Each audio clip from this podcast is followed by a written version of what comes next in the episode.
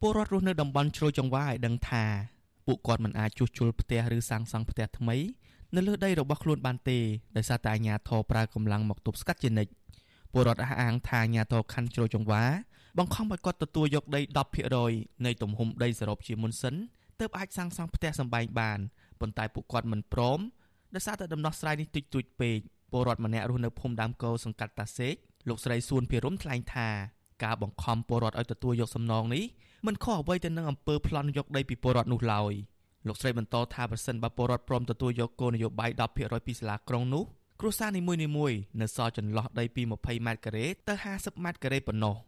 ស្ត្រីវ័យ50ឆ្នាំដែលរស់នៅក្នុងផ្ទះឈើបាក់បែកប្រក់សង្កសីជាមួយកូន5នាក់រូបនេះ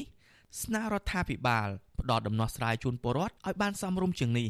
ខ្ញុំសំណុំពរទៅរាជរដ្ឋាភិបាលជាក់ថាសេនាបតីតេជោហ៊ុនសែនសូមលោកជួយ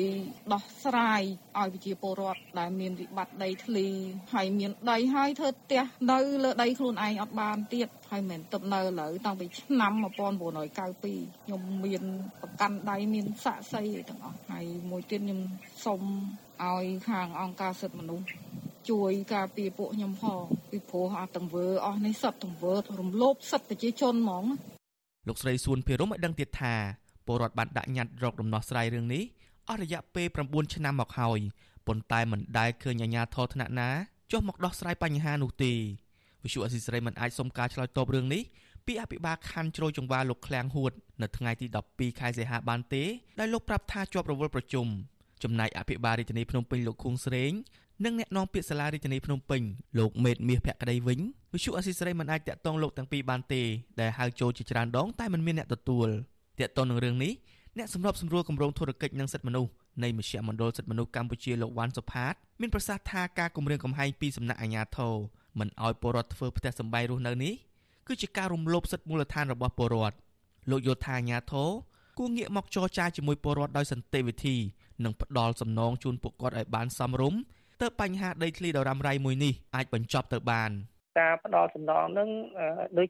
ជាពលរដ្ឋមានការណែទុនណាស់មកហើយបាទក្នុងការចរចារហូតដល់គាត់ថាឲ្យច្រើនបន្តិចទៀតអីចឹងទៅគាត់ដូចជាមិននៅដែលរឹងដែលថាមិនអាចចរចាគ្នាបានទេអញ្ចឹងអាជ្ញាធរគួរតែធ្វើសម្បទានគ្នាទៅវិញទៅមកពីព្រោះអីភាកច្រើនឲ្យតែឃើញមានបញ្ហាដីធ្លីហ្នឹងគឺខាងដីណែប្រជាពលរដ្ឋហ្នឹងមិនដែលបានស្អីដែលតាមការគួរចង់បានទេចង់និយាយថាគាត់ទុនភ្លុនហើយនៅតែមិនមិនព្រមធ្វើដំណោះស្រាយឬមួយក៏ផ្ដល់សំណងសំរុំអីឲ្យបានសមរម្យខ្លះដល់គាត់ហ្នឹងអានឹងវាជារឿងមួយដែលជាការសោកស្ដាយគិតមកដល់ពេលនេះវិវាទដីធ្លីរវាងពលរដ្ឋនៅខណ្ឌជ្រោយចង្វាជាមួយក្រុមហ៊ុន OCIC របស់អង្គការពងខៀវសែដែលជាអ្នកជំនួញស្និទ្ធនឹងលោកនាយករដ្ឋមន្ត្រីហ៊ុនសែននោះបានអូសបន្លាយរយៈពេល9ឆ្នាំមកហើយខាងសាលារាជធានីភ្នំពេញប្រកាន់គោលការណ៍ផ្ដល់ដី10%នៃផ្ទៃដីសរុបឲ្យពលរដ្ឋធ្វើការអភិវឌ្ឍនៅនឹងកន្លែងចំណែក90%ទៀតអាជ្ញាធរប្រគល់ឲ្យភាគីក្រុមហ៊ុនអភិវឌ្ឍជាក្រុងរណប កាលពីឆ្នាំ2012ក្រុមហ៊ុន OCIC បានចាប់ដំណើរការសាងសង់ក្រុងរណបក្នុងខណ្ឌជ្រោយចង្វាក្រោយពីទទួលបានសិទ្ធិអភិវឌ្ឍពីសាលារាជធានីភ្នំពេញនៅលើផ្ទៃដីសរុបជិត400ហិកតាគម្រោងអភិវឌ្ឍនេះស្ថិតនៅភាគខាងកើតទីក្រុងភ្នំពេញជាប់ច្រាំងទន្លេសាបខាងកើតឈៀងខាងឆ្វេងស្ពានមិត្តភាពកម្ពុជាជប៉ុន និងស្ពានមិត្តភាពកម្ពុជាចិនវិសុអេស៊ីសរ៉ៃមិនអាចសុំការឆ្លើយតបរឿងសំណងជូនពលរដ្ឋជ្រោយចង្វា ពីប្រធានក្រុមហ៊ុនសាវជីវកម្មវិនិយោគក្រៅប្រទេសកម្ពុជាលោកពងខៀវសែបាននៅឡើយទេដោយហៅទូរស័ព្ទចូលតែគ្មានអ្នកទទួលសង្គមស៊ីវិលផ្នែកសិទ្ធិមនុស្សនិងសិទ្ធិដីធ្លីស្នើឲ្យរដ្ឋាភិបាលផ្ដល់លទ្ធភាពឲ្យប្រជាពលរដ្ឋអាចរស់នៅនិងប្រកបរបរចិញ្ចឹមជីវិតឬអាចផ្ដល់ជាសំណងសមរម្យចំពោះការខូចខាតផលដំណាំ និងផ្ទះសម្បែងរបស់ពួកគេដោយត្រូវគិតគូរឲ្យសមស្របតាមតម្លៃទីផ្សារសេរី